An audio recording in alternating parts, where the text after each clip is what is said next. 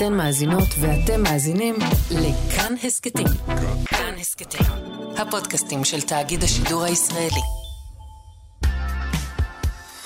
פופ-אפ עם אלעד ברנועי.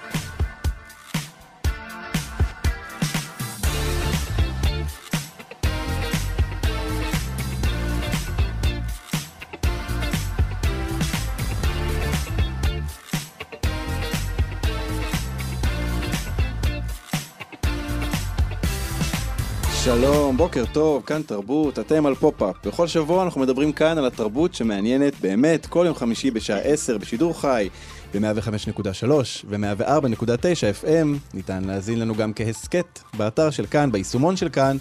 וביישומוני המוזיקה וההסכתים השונים אתם מוזמנים גם לעקוב אחרי פופ-אפ באינסטגרם, פופ-אפ במילה אחת נקודה כאן. אה, איתנו באולפן טל ניסן שמפיקה את התוכנית וגם עשתה את התחקיר, לצידה טכנאי השידור יובל יסוד, בוקר טוב לכם.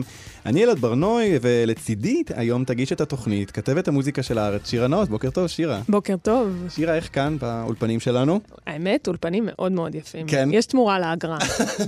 תמיד, הדבר הראשון שתמיד מדברים עם אורח זה על אה, כספי, ה, כספי המיסים. אה, האם הם שווים את ה... כן, שיחה של אה, אזרחים שתוהים תהייה. שירה, היום אה, הזמנתי אותך לתוכנית, כי אנחנו הולכים לדבר על אה, הערצה.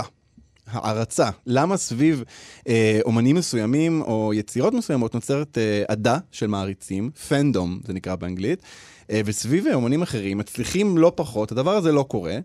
אה, אני חשבתי שההערצה כרוכה במידה רבה בליבידו, כאילו במשיכה, נגיד על, תחשבי על אדם הזמר, את יודעת איזה טירוף היה סביבו, וואם, כל מיני כאלה, כן. אבל אנחנו נראה היום דוגמאות אה, שמראות שזה לא תנאי סף. את אה, הערצת פעם מישהו? את מעריצה מישהו עדיין? אז חשבתי על זה הרבה, כי uh, הערצה, בשביל להעריץ צריך ממש להתמסר. ואז uh, אני הייתי, כשהייתי ילדה, מאוד הערצתי את השמינייה. Okay. היה אוקיי. לי קלסר, שהיה לי בו דפים, ואני הכנתי דף לכל דמות בשמינייה, וואו. והתאמתי לו צבע, ושמתי שם סמלים כאלה. וואו.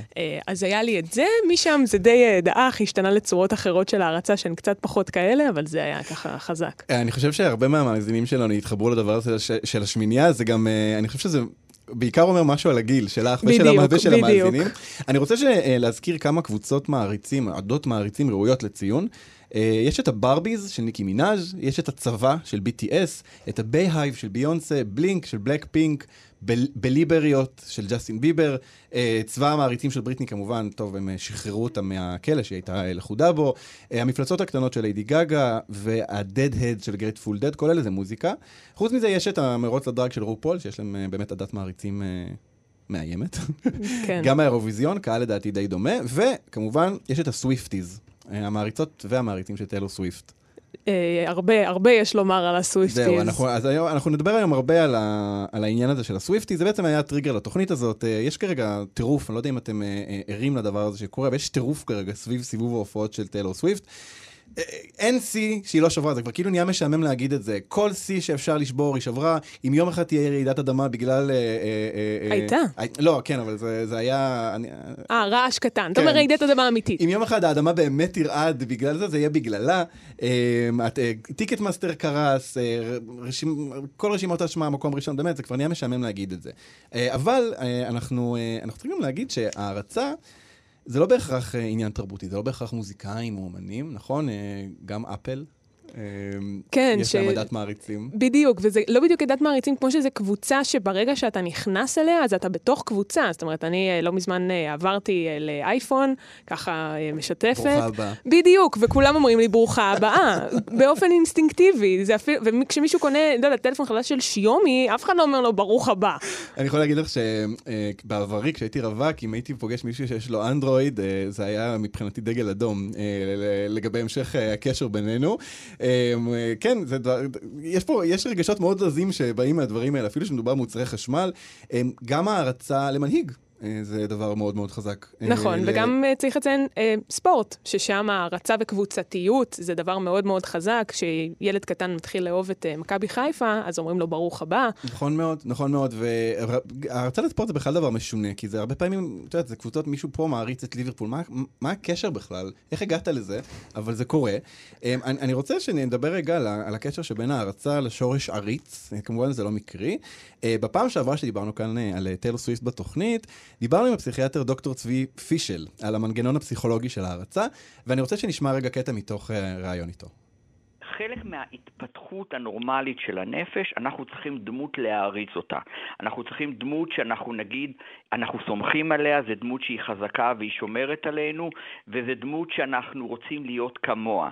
אבא שלי יש סולם, מגיע לו עד, עד השמיים. ז, ז, ז, זאת בעצם התפיסה של ילד שצריך דמות אה, שהוא יכול להרגיש בטוח איתו, הוא יכול להרגיש שהבן אדם הזה ידאג לכל צרכיו, בעקבותיו הוא הולך.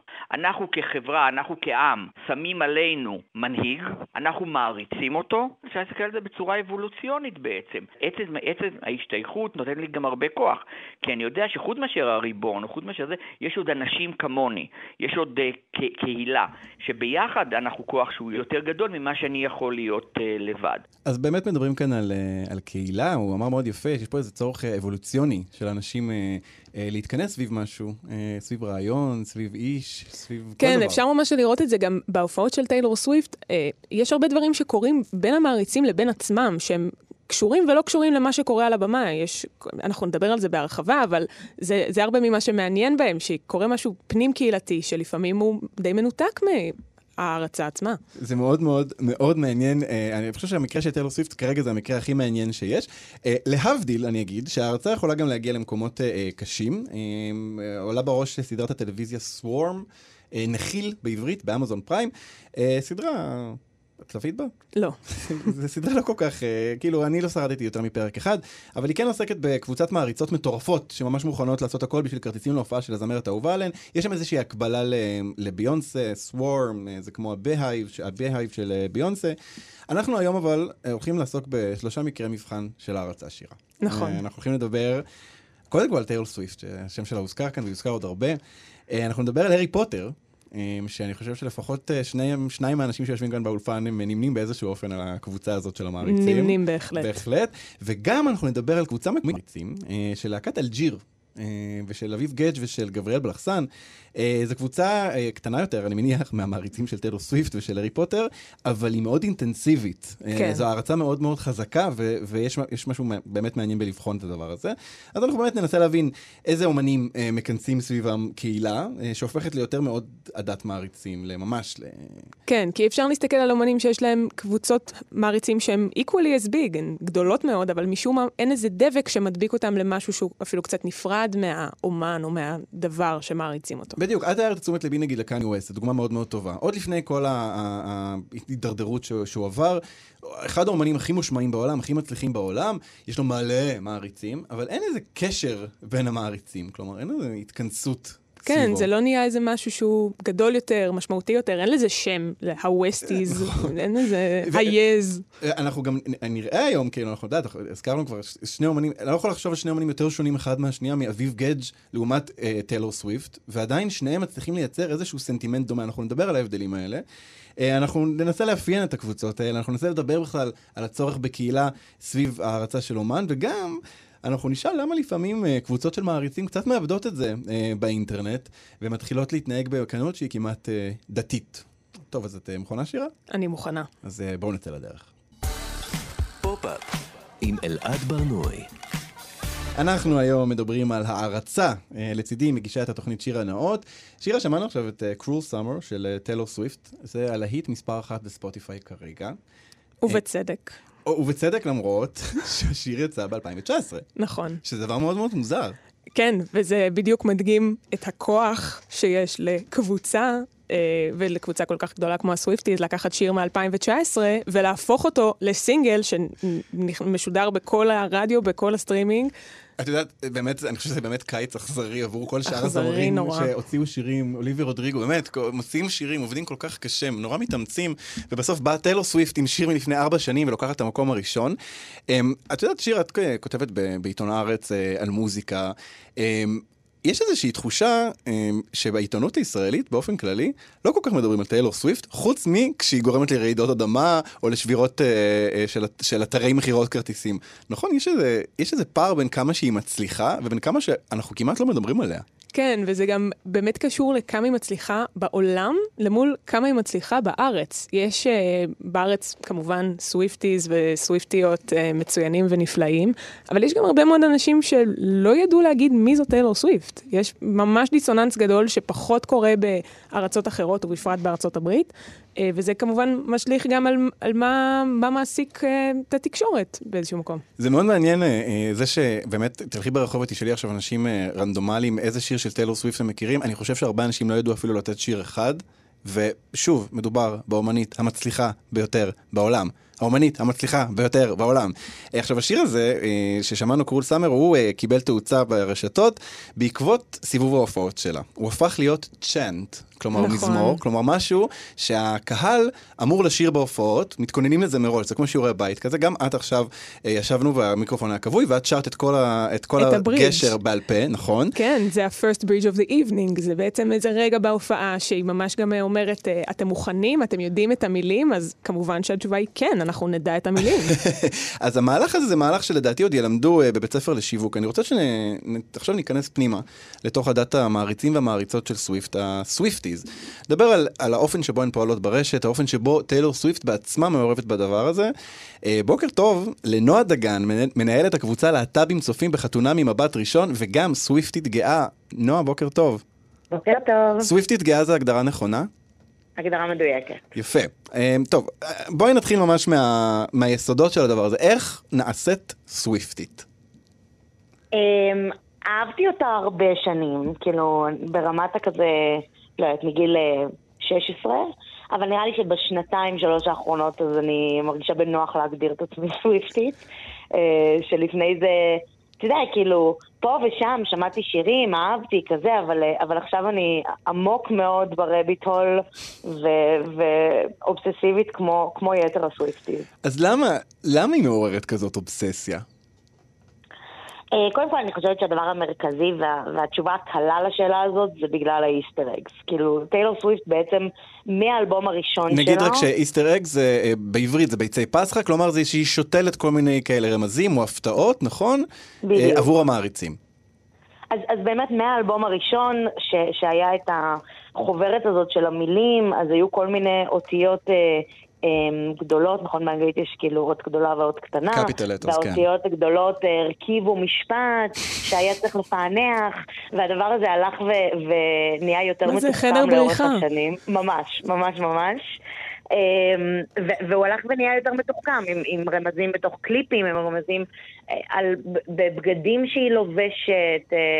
ממש, ממש בהרבה אופנים. אז אני חושבת שהדבר הזה, מעבר לזה שזה כאילו שיווק אה, פנומנלי בעיניי, כאילו זה וואו, אז זה מייצר גם את הקהילה הזאת שדיברתם עליה קודם. כאילו, זה מייצר את זה שמעבר לזה שאני שומעת אה, אמנית שאני אוהבת ומתחברת למילים שלה, אז, אז גם יש איזושהי פעילות משותפת, וגם פעילות ש, שקשורה למי מפענח קודם, ועכשיו בעידן האינטרנט עוד יותר, כאילו מעלים סרטונים, איך שהקליפ יוצא, עם כל הרמזים שמופיעים בשירים, אז, אז זה נראה לי דבר מרכזי.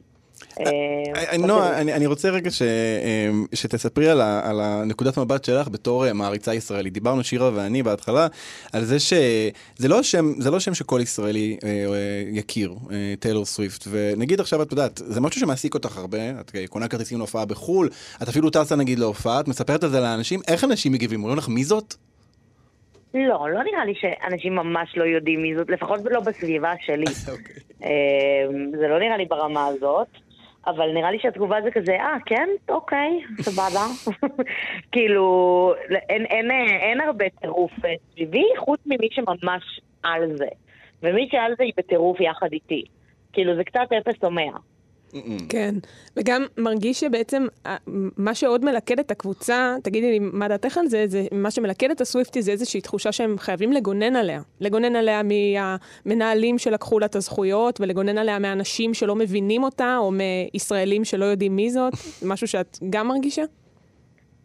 כן, אני חושבת שפשוט, כאילו, מה זה לגונן? אני אישה בת 31, כן? אני, אין לי... אני, אני לא באותם, אה, באותם תחושות שהייתי כלפי בריטני, כאילו, בכיתה ד', או אגב, כלפי הארי פוטר בכיתה ג', mm.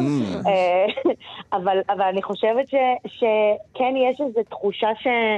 שאני מכירה אותה, למרות שברור שאני לא מכירה אותה. אמ, ו- ושגם, ושגם היא לא באמת צריכה שיגנו עליה, כן? ברור שלא. ברור שלא. היא איש מאוד עשירה והיא בסדר גמור. אה, טיילור be fine, כמו שאומרים. בדיוק, טיילור יוסי פיין. אה, אני כן חושבת ש- שהדבר הזה מעניין בתוך ההתפלגות, בתוך הסוויפטיז, כאילו, אה, סביב הגיילור וההטלור, אבל... רגע, רגע, רגע, אז בואי עכשיו, זהו, זה, זה, נזרקו פה שתי פצצות ואנחנו עכשיו הולכים לדבר בדיוק על הדבר הזה. אמרת גיילור והטלור, אוקיי? הנושא האהוב עליי לדבר עליו, יפה. גיילור זו בעצם תיאוריית רשת שאומרת שטיילור סוויפט היא... נאמר, אה, ביסקסואלית או לסבית, ושיש לה מערכת יחסים עם חברה טובה שלה, נכון? מערכת יחסים רומנטית, אבל שהיא מסתירה את הדבר הזה, וכל הדבר הזה של גיילור זה חיפוש אחר הוכחות לזה שהדבר הזה הוא אמיתי. תיארתי את זה נכון? כן, אה, חוץ מזה שזה לא חיפוש אחר הוכחות, זה פשוט האמת, אבל כן. אה, אוקיי, אוקיי, אז, תן נגיד שאולי נועה קצת מוטה פה בכיוון הזה לטובת הקבוצה של גיילור, אבל, אבל מה, יש? מה זה ההוכחות האלה? על מה אנחנו מדברים? קודם כל, אני לא חושבת שעכשיו היא מערכת יחסים אה, אה, רומנטית עם אישה. אני חושבת ש, שהיא שבורת לב מהמערכת יחסים הרומנטית האחרונה עם קרלי קלוס, אוקיי. אה, שהיא אותה חברה טובה. Mm, אה, אני חושבת שבתור, רגע, אם אני אדבר על זה ברצינות, אה, שבתור להט"בים יש משהו אה, אה, באופן כללי שלי, בחוויה שלי, של לחפש דמויות להזדהות איתם. נכון. ושירים ש, שאני יכולה לקרוא, או סדרות או סרטים שאני יכולה לקרוא אותם בפרשנות להט"בית ולהרגיש שיש לי ייצוג.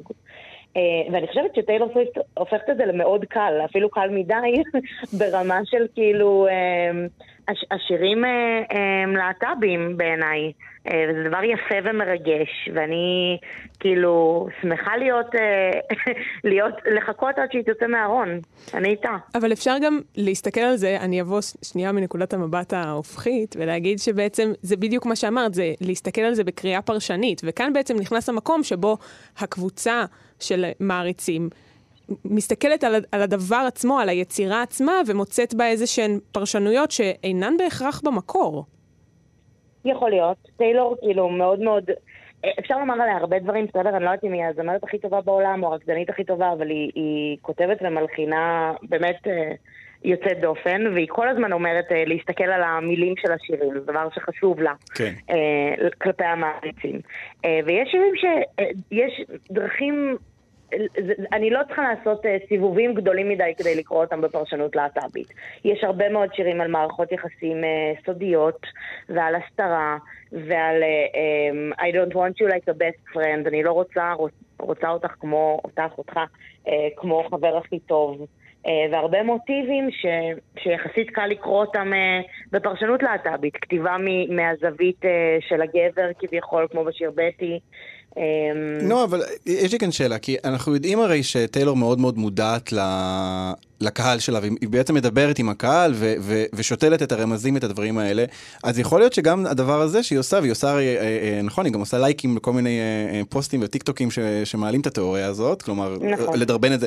אז גם יכול להיות שזה, שזה עוד חלק מה, מהמשחק הזה, כלומר, שזה מהלך שיווקי, שהיא מבינה שהגיילור הזה הוא, הוא, הוא, הוא חתיכת דבר בעולם והוא מתפוצץ, כי אני חושב לעצמי, את יודעת, ההתנהלות של בן אדם בארון, אז זה, הוא לא בדיוק מתנהל ככה, הוא ינסה להסתיר את זה באמת.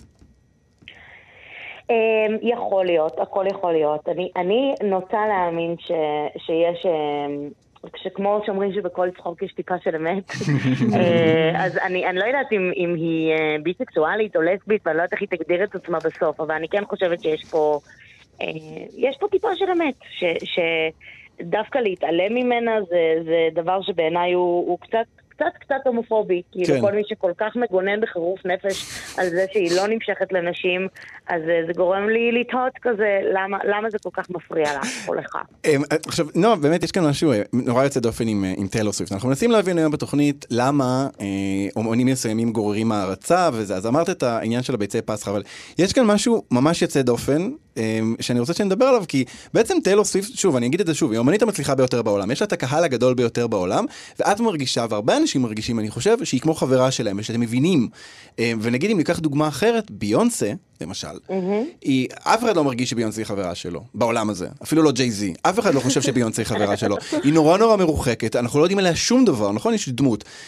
איך, איך ה- ה- ה- היכולת הזאת שלה, אה, לקחת את הדמות הזאת של טיילור, שזו דמות בסופו של דבר, ולגרום לה להרגיש סופר אנושית, סופר, את יודעת, The Girl Next Door, אפילו שהיא כל כך עשירה, אפילו שהיא כל היום מופיעה ואין לנו שום דבר במשותף איתה, מה יש בה שהיא מצליחה לעשות את זה?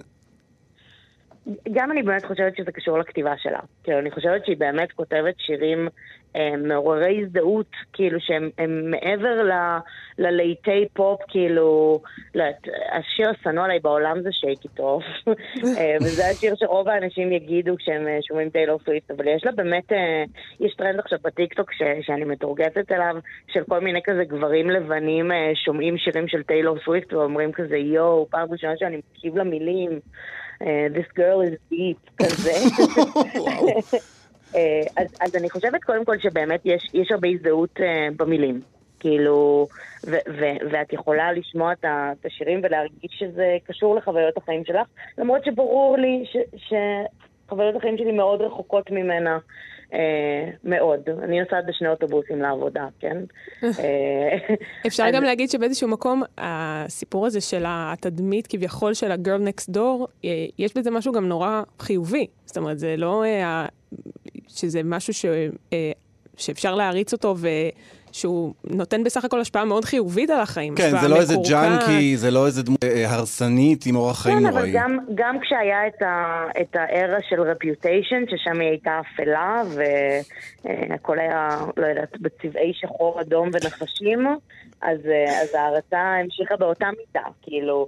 אני חושבת שהגרל נקסדור זה, זה קצת דימוי אה, ש, של האלבומים הראשונים, ואני לא בטוחה שהוא היום אה, הדימוי עליה. Mm. לא, זה אנחנו-. אנחנו, צריכים לסיים, אבל אני כן רוצה אה, לשאול אותך אה, בעניין, ה, בעניין הגיילור, כי זה, זה באמת שאלה מעניינת ש, שיש כאן, אני חושב שהיא היא, היא, היא כרוכה בהרבה דברים, היא כרוכה גם בייצוג וגם ב, בעניין של הערצה. אם, את יודעת, אם, אה, אם אומן, אה, נגיד, אה, אחר, שהוא לא טיילור סוויפט, היה, נגיד, מרמז על עצמו, או עושה, עושה איזשהו שימוש, נגיד, אה, בקהילת הלהט"ב כאיזה מין פלטפורמה, היינו נורא נורא כועסים עליו. את חושבת שיכול להיות שהדבר הזה, זה משהו שטיילור סוויפט עושה עכשיו? שיכול להיות שהיא כאילו משתמשת בזה שאנחנו מחפשים ייצוגים, אנחנו רוצים לראות את עצמנו בשירים של אחרים, והיא משתמשת בו בשביל להצליח לקהל, להגיע לקהל אה, רחב יותר? אני נוטה להאמין שלא. אה, אמרתי, כאילו, אני, אני באמת חושבת שלא יודעת, שאת כותבת שורה כמו אה, The lips I used to call home so scarlet it was maroon, ואת מדברת על, על שפתיים אה, בצבע בורדו, אז הם לא שפתיים של גבר. אה, אבל, אבל יכול להיות, יכול להיות שבסוף אה, נתוודה כולנו. אני חושבת ש, שבסוף לא משנה לי מה העדפה המינית, רומנטית שלה. אני, אני חושבת שזה דבר מאוד חשוב אה, להרגיש מיוצגת בשירים. גם, גם, אם זה לא ה... גם, אם זה מגיע... גם אם זה לא זה, כלומר, עצם זה שיש את הייצוג, אפילו אם זה לא, אה, נגיד, מאיזה חוויה אישית שלה, הוא חשוב יותר מהדבר לגמרי, עצמו. לגמרי הוא חשוב יותר. כאילו, מה שחשוב זה שיש פה קהילה של ילדים, כאילו מילא אני בסדר, אני בסדר, אבל ילדים אה, להט"בים שרואים את עצמם בשירים שלה, זה דבר מהמם, ואולי זה נותן להם ביטחון לצאת מהארון, ואולי זה נותן להם ביטחון להרגיש את הרגשות שלהם, וזה כשלעצמו דבר חשוב ממש. נועה דגן, סוויפטית גאה, כל פעם, את יודעת, את מדברת ואת מצליחה לשכנע, נראה לי, עוד בן אדם אה, להצטרף אה, אליכם לקבוצה. הומרנו. כן, תודה רבה לך על השיחה הזאת. תודה לכם. פופ-אפ עם אלעד ברנועי. אנחנו היום מדברים על הערצה. לצידי מגישה את התוכנית שירה נאות. שירה, אמרנו בהתחלה ש... את יודעת, אה, הערצה זה לא רק אה, מוזיקה, זה לא רק אומנים, זה לא רק לעמוד מול במה ולצרוח, בועז מעודה, תעשה לי ילד. אה, fandom אה, יכול להתכנס גם סביב אה, יצירה קולנועית, כמו Star Wars, אה, או ספרותית, כמו הארי פוטר. ספרותית וקולנועית. ספרותית וקולנועית, כן, אה, נכון. צריך לא... כן, אני... קשה לי לקבל את זה. קשה לי לקבל את הדבר הזה, אבל זה נכון. יש הרבה אנשים שאוהבים את הארי פוטר בשביל הסרטים, בסדר, בסדר, גם לכם יש מקום.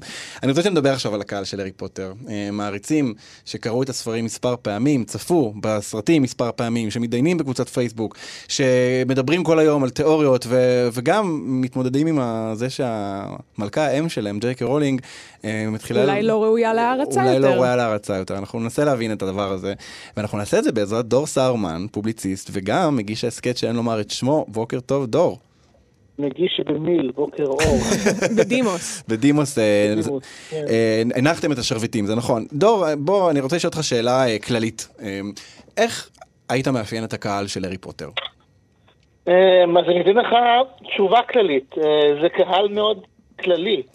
כלומר, קשה מאוד האמת לאפיין את הקהל. אם אני משווה את זה לקהל של אה, מעריץ אה, זמרים או זמרות כאלה ואחרים, אני חושב שכשפגשתי גם וראיתי מי הקהל שאוהב את הארי פוטר, זה קהל מאוד מגוון. הוא מגוון גם בגילאים, כלומר הייתי אומר ש...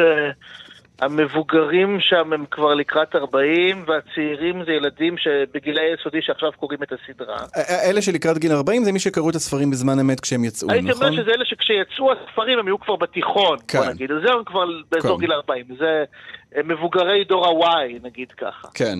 איך אה, איך היית זה- מאפיין את הקהל הזה מבחינה נגיד אה, מגזרית או מגדרית בישראל?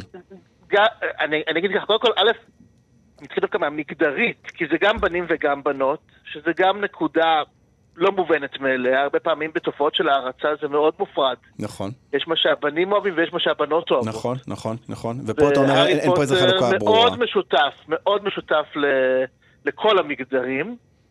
אה, ונוסף על זה, גם מגזרית, ספציפית בישראל, מה שמאוד בולט זה שזה גם אה, משהו שמאוד אוהבים אה, בציבור הסרוג. בציונות הדתית אה, אה, נקרא לו, בדיוק. נכון? גם, כן. חילוני, גם חילונים וגם דתיים. כלומר, זה המקום שבו הם נפגשים. אני יפה. לא מכיר עוד תופעה ש... שגם חילונים וגם דתיים מעריצים, תופעת פופ נגיד. כן, זה זה, אה, אולי יכול להיות שזה קשור לזה שבציונות הדתית אה, יש אחוזי קריאה גבוהים ביחס לשאר האוכלוסייה? כנראה יש אחוזי קריאה גבוהים, שאלתי חברים דתיים, גם כולם אמרו, תקשיב, בשבת מה שעושים זה לשבת לקרוא. בדיוק, כן, בדיוק. כאילו ככה אתה מעביר את הזמן בתור ילד, נכון וגם בתור מאוד. מבוגר, אתה יושב וקורא, אז ספרים זה פעילות פנאי זה, וגם זה נחשב, מסתבר, בניגוד אגב לנצרות דתית, ששם לנוצרים היה אישוז מאוד שלם עם רולינג כשהספרים יצאו, אז אה, מסתמן שדווקא בציונות הדתית הייתה הרבה סובלנות לספרים של הארי פוטר, זה נתפסו כספרים נקיים, אין בהם איזה, בוודאי בראשונים אין שום מיניות, גם המיניות בספרים המאוחרים היא מאוד... אה, כן, זה נשאר בגזרת. הנשיקות אה, פחות או יותר. בדיוק, אז, זה סך הכל ספרות נקייה גם לקרוא. עכשיו, דור, היית אומר שזה קהל אובססיבי? אה, בחלקו הקטן. לא- לא ניתן למיעוט להשמיץ את הרוב. אה, יש ללא ספק, כלומר, במגע שלי עם אה, ציבור המעריצים, הייתה לנו גם, עדיין, הקבוצה עדיין פעילה, אבל... הקבוצה שאין אני לומר את שמה, שיש. בה מעל 15 אלף איש. כן, המון. בדיוק. אני, אני כבר לא פעיל שם כי ההסכת נגמר, אבל כשההסכת היה, ניהלתי והייתי פעיל, והייתי במגע יומיומי איתם. ו- והיה, אבל ויש- אה, יש, אה, למיטב זיכרוני, היה גם בקבוצה הרבה מתחים, דברים שהתפוצצו, כעסים. אה, היו כעסים, היו זה, אבל- שוב, צריך תמיד תמיד לזכור ש, שבואי נגיד, האנשים שאובססיביים בקטע רע, ש, שמתנהלים לפי איזה דוגמה כמעט דתית, זה, זה משהו באזור החמש אחוז. Mm. זה חמש עושים, אה, אחוז עושים שעושים הרבה רעש, כן. פשוט, ככה, זה מספיק אדם, מספיק אדם אחד כדי אה, להבהיר משהו, אבל דור, כן? אני, אני כן רוצה לשאול אותך, כי אני חושב שיש כאן איזה משהו, לאו דווקא ספציפית עם הארי פוטר, אבל יש משהו ב, ברעיון הזה של הדת מעריצים, של פנדום, שהרבה פעמים מצליח להגיע אה, למקומות כאלה, למקומות אה, קנאים כמעט מבחינה דתית, כאילו. ממש, מקומות שאתה יודע, מתעקשים על הקדושה של הטקסט המקורי, מתעקשים על הכוונות של האומן, או על, על טוב ליבו, או על כל מיני דברים כאלה. למה לדעתך אה, זה, זה, זה נהיה כל כך קרוב ל... אני רוצה להגיד, לאמונה באלוהים. אה, אני חושב שזה כי כשאתה כל כך כל כך אוהב משהו, כל כך אוהב איזושהי יצירה, לצורך העניין, אה, זה כי היא באמת נוגעת בך. היא נוגעת ברבדים מאוד עמוקים של הנפש שלך, ואתה... אני חושב דווקא למשל על שירים שאני אוהב, שירים שאני אוהב לפעמים יש לי כאילו איזה... אני, יש איזה עניין של לדמיין כאילו הם ממש נכתבו עליי או אליי, או כאילו אני אפילו הייתי יכול לכתוב אותם, כי, כי אני נורא מרגיש איזו הזדהות כזו. ו- ו- ו- ואני חושב שכשזה מגיע להרצה זה, זה נובע באמת הרבה פעמים להזדהות מאוד עמוקה. זאת אומרת, וואו, זה מצליח לנסח במילים על עצמי, משהו שאני לא יכולתי, לא היו לי, לא היו לי את המילים ואת הכלים לומר על עצמי. זה, זה הרבה פעמים נובע ככה מיצירה שמאוד מאוד נוגעת, ו- ואז כאילו כשאתה אומר, אם אתה אומר לעצמך, היצירה הזו עליי, אתה עלול לפעמים, בוא נגיד, להיסחף יותר מדי ברעיון הזה. הרי היצירה הזו היא לא באמת עליך. כן, לא באמת וגם- נכתבה לך אישית. כן, וגם נכנסת השאלה, מה, מה קיים בטקסט עצמו, ומה מי שקורא אותו משליך עליו, ואיפה בדיוק, כל עכשיו- הפרשנויות. עכשיו, זה בסדר גמור להשליך, אני, זה מה שעשינו גם בהסכת, אני הכי בעד לתת אה, פרשנות ולמצוא את הזווית שלך, שאתה התחברת, ולהגיד, וואו, הטקסט הזה מזכיר לי א', ב', ג', עשינו את זה המון בהסכת. אני מאוד בעד הגישה הזו, זו גישה נהדרת. פשוט צריך לזכור שזו הפרשנות שלך.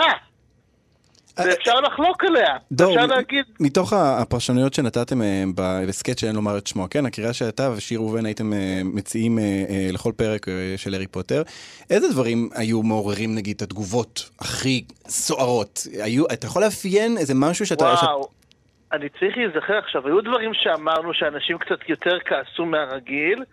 אני חושב שזה, ב... אני מנסה, אין לי משהו ספציפי, אבל אני חושב שזה בעיקר כשקצת ירדנו על דמויות, או, או, או, או הבנו איזו עמדה לא פופולרית ביחד לאיזושהי דמות אהובה, אז, אז נכנסו לפעמים להגן עליה, או, או הפוך אגב, כשלפעמים ניסינו קצת להגן על דמויות פחות אהובות, כן, יש הדמות של... אמ, של פרסי, האח הגדול של רון, שבשלב מסוים, פרסי ויזלי, כן.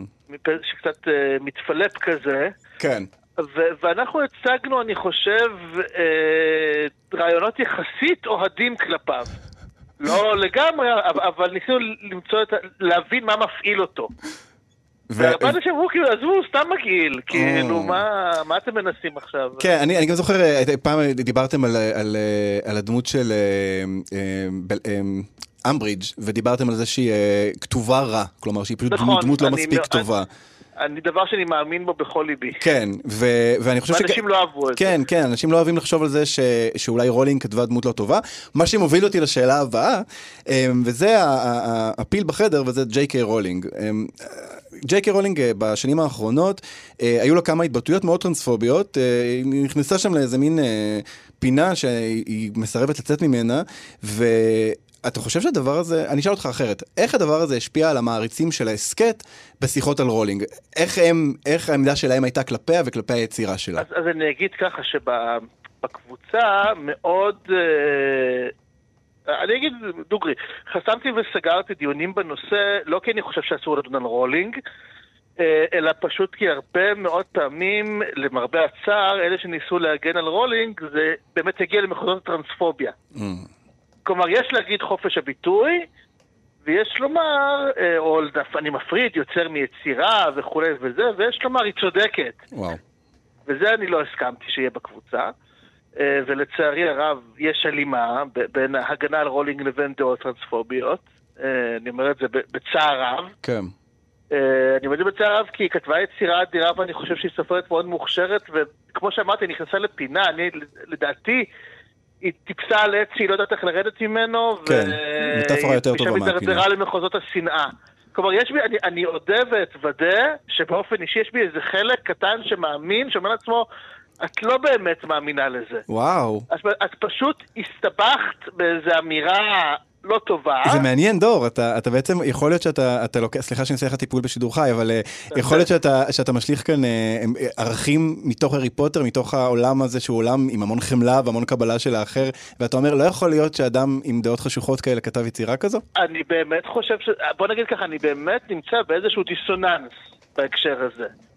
אני כן. נמצא באיזשהו דיסוננס לגמרי, כי אני אומר, מי שכתב יצירה שמדברת על אהבה ועל קבלת האחר ועל חמלה ועל לגלות חמלה והבנה כלפי כולם, מה היא נכנסת לתוך. המלחמות האלה, ומה זה, ומאיך שאני מכיר את השתלשלות העניינים, זה מאוד מרגיש לי שהיא התחילה מעמדות שבו, נג- שבו נגיד כאילו יצאו עליה קצת, ואז היא הייתה יכולה או להגיד כאילו, סליחה, לא התכוונתי, או להגיד מה אתם רוצים ממני, והיא הלכה לכיוון המה אתם רוצים ממני, ומשם זה הלך ו- ו- והידרדר.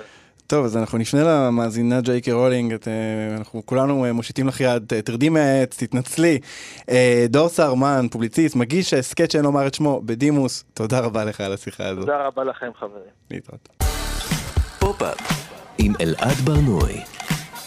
טוב, אה, שירה, אנחנו אה, דיברנו על אה, טיילור סוויפט היום, דיברנו על הארי פוטר, ועכשיו אנחנו הולכים לדבר על תופעה קצת קטנה יותר, אבל לא פחות חזקה, אני רוצה לומר, תופעה מקומית, הערצה ללהקת אלג'יר על שלוחותיה, גבריאל בלחסן, אביב גדג'.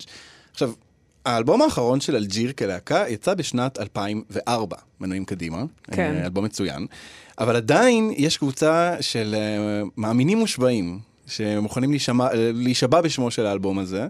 והולכים לכל הופעה של אביב גדג', אה, לא משנה איפה זה נמצא ברחבי הארץ. נתקלת בתופעה הזאת? אה, נתקלתי, אה, שותפה לה באופנים כאלה ואחרים, אבל זו באמת תופעה מאוד מאוד חזקה, מאוד מאוד קהילתית, ואומנם באמת בסקאלה יותר קטנה, אבל הדבר הזה שם, הדבר הזה שאנחנו מדברים עליו כל התוכנית. יפה. אז אנחנו עכשיו אה, אה, נבחן את הסיפור הזה, ואנחנו נדבר עם נטע עמית מהקהל של אלג'יר. בוקר טוב, נטע. היי, בוקר טוב. נטע, איך אה, היית מאפיינת את הקהל אה, של אלג'יר אה, סלאש של אביב גדג'? קודם כל, אני חושבת שמאוד קשה לאפיין אותו, כי זה קהל מאוד מגוון, בהשוואה נגיד להופעות של אומנים אחרים שאני הולכת, אתה תראה פה קהל בערך מגיל 15 עד גיל 70, דתיים, חילונים, גברים, נשים, באמת הכל מהכל, גם טינאייג'רים שגילו עכשיו את אלג'יר, וגם כאלה שהיו בהופעות המקוריות לפני 20 שנה ובאים, ואנשים גם מביאים את הילדים שלהם. וואו. אה, אז זה קהל בסך הכל מאוד מגוון. יש, אה, אני, אה, אולי אני טועה, אבל יש איזה הלימה שדיברנו קודם על זה שבהארי פוטר יש הרבה מהמגזר הדתי.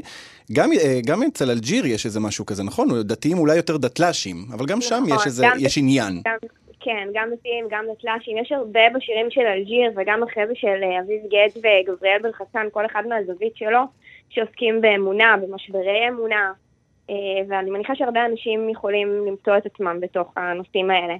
עכשיו, למה את חושבת שהקהל אה, של אלג'יר, שגם אה, מכנים את עצמם בקבוצות הפייסבוק קאט לפעמים, למה, למה את חושבת שהם אה, אוהבים את המוזיקה הזאת כל כך חזק? כלומר, אוהבים אותה מאוד מאוד מאוד, מוכנים להישבע בשמה, נוסעים לצפון מהדרום בשביל לראות עוד הופעה של אביב גדג'. מה יש במוזיקה הזאת שעושה את זה? כן, זה תיאור די מדויק. קודם כל מדובר במוזיקה טובה. אה, זה תנאי הכרחי, אבל זה תנאי הכרחי ולא מספיק. יש הרבה אומנים שעושים מוזיקה טובה. נכון. אה, אני חושבת שיש משהו מאוד אישי במוזיקה, ש, שאנשים פשוט יכולים להתחבר אליו. כמו שדיברתם קודם על הארי פוטר, יש בעצם בן אדם שמתמלל את הרגש שלך, הפך אותו למילים, למוזיקה, יש משהו שאפשר להזדהות עם זה, שהופך אה, את ההתמודדות אולי לפחות בודדה.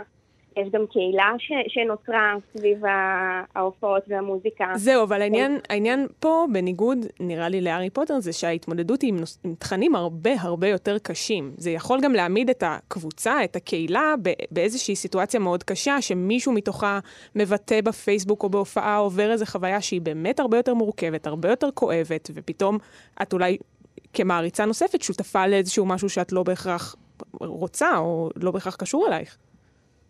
אה, כן, זה דברים שיכולים לקרות, אני אגיד שהם יותר בשוליים, אני חושבת, אולי בתקופה של אלג'יר, שהקהל היה באמת הרבה יותר צעיר וטינג'רי, אז זה קרה יותר. אה, את יודעת, אנשים גם יכולים באמת להשליך אה, מהחוויה שלהם על האומן או על המוזיקה, אבל זה, זה לא, אני לא חושבת שזה המרכז של החוויה סביב הקהל וההופעות של אביב כרגע. Mm. אה, אה, את יודעת, יש, אה, יש משהו באביב גדג' ובכלל ברעיון הזה של אלג'יר. אלג'יר, הלהקה התפרקה, גבריאל בלחסן נפטר. אה, אביב גדג' הוא מאוד לא נגיש, כלומר, הוא לא, הוא לא מעלה דברים לטיק טוק ו... ו- לא מתראיין. לא מתראיין. כן. את חושבת שגם זה באיזשהו אופן, זה כאילו התמונת מראה של טיילור סוויפט שדיברנו בתחילת התוכנית, על זה שהיא נורא נורא מעורבת ונורא נורא... שותלת רמזים, מגיבה בטיקטוק, עושה לייקים. זה כאילו ההופכי של זה. אה, אני יכולה לדעת שיש איזשהו, כמו שאומרים פסיכולוגיה, יש איזה גירוי עמום, אז אנשים משליכים עליו יותר. אז אתה לא יודע כל כך מי הבן אדם, מה הדעות שלו, מה זה, אתה לוקח את השירים ומפרש אותם ומזדהה או משליך. אמ, אבל לא יודעת, באמת אני חושבת ש, שאביב מדבר דרך המוזיקה והשירים שלו, ו, ובאופן הזה, וגם בהופעות, כן יש משהו נגיש יותר. Mm. זה הרבה, והמגע בין הקהל לאומן פה בארץ זה לא טיילור סוויפט והמאבטחים בזה, זה משהו הרבה יותר אה, נגיש וקרוב. כן, אפשר לראות אותו ברחוב ולעשות נכון. סלפי. נכון. כן, הוא עושה, הוא מסכים לעשות סלפי עם המעריצים שלו? כך אה, ראיתי כן. בפייסבוק. וואו. כן, הוא, יסכים אם תבקש יפה.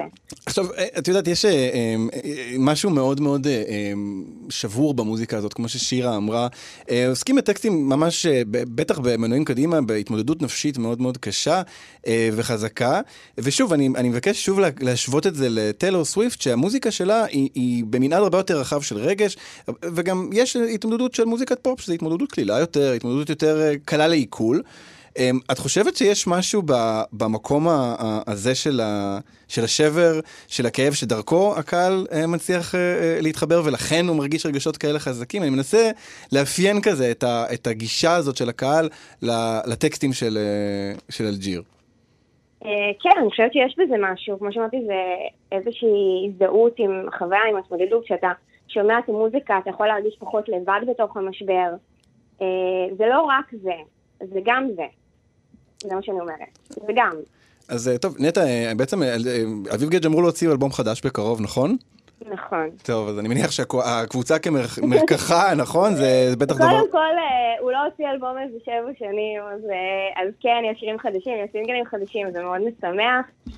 גם יהיה מופע מחווה לעשור למותו של גבריאל בן חסן באנגר 11, בהשתתפות המון המון אומנים, גם מהמיינסטרים הישראלי, ו- וגם משהו ש- שקורה בתקופה הזאת.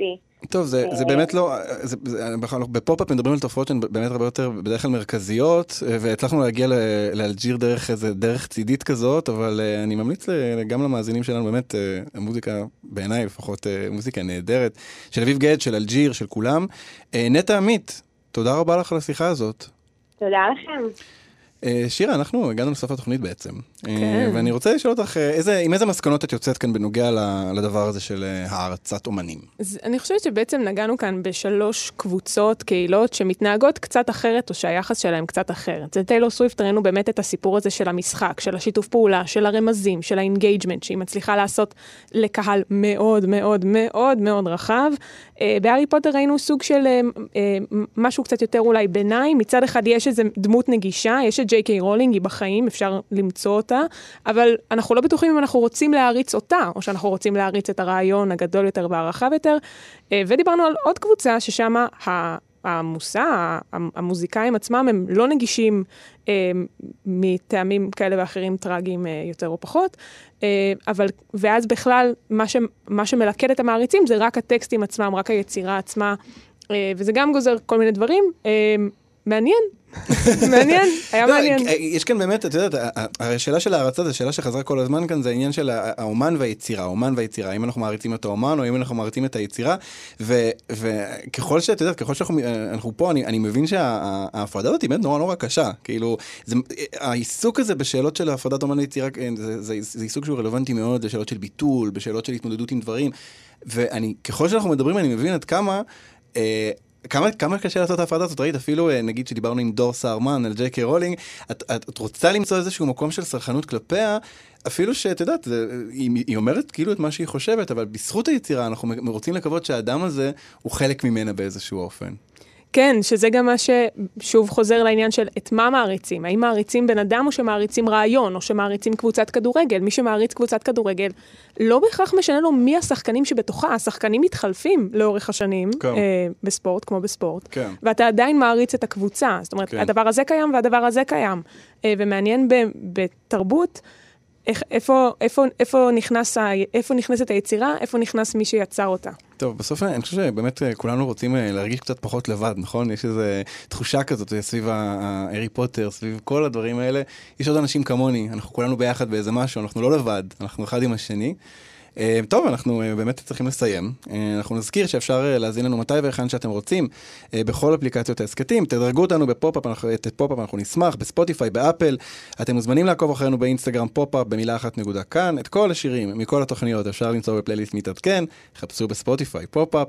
תודה לטל ניסן על ההפקה, תודה לטכנאי השידור יובל יסוד, שירה נאות, תודה רבה לך, היה תענוג. תודה אלעד. אני אלעד ברנועי, להתראות.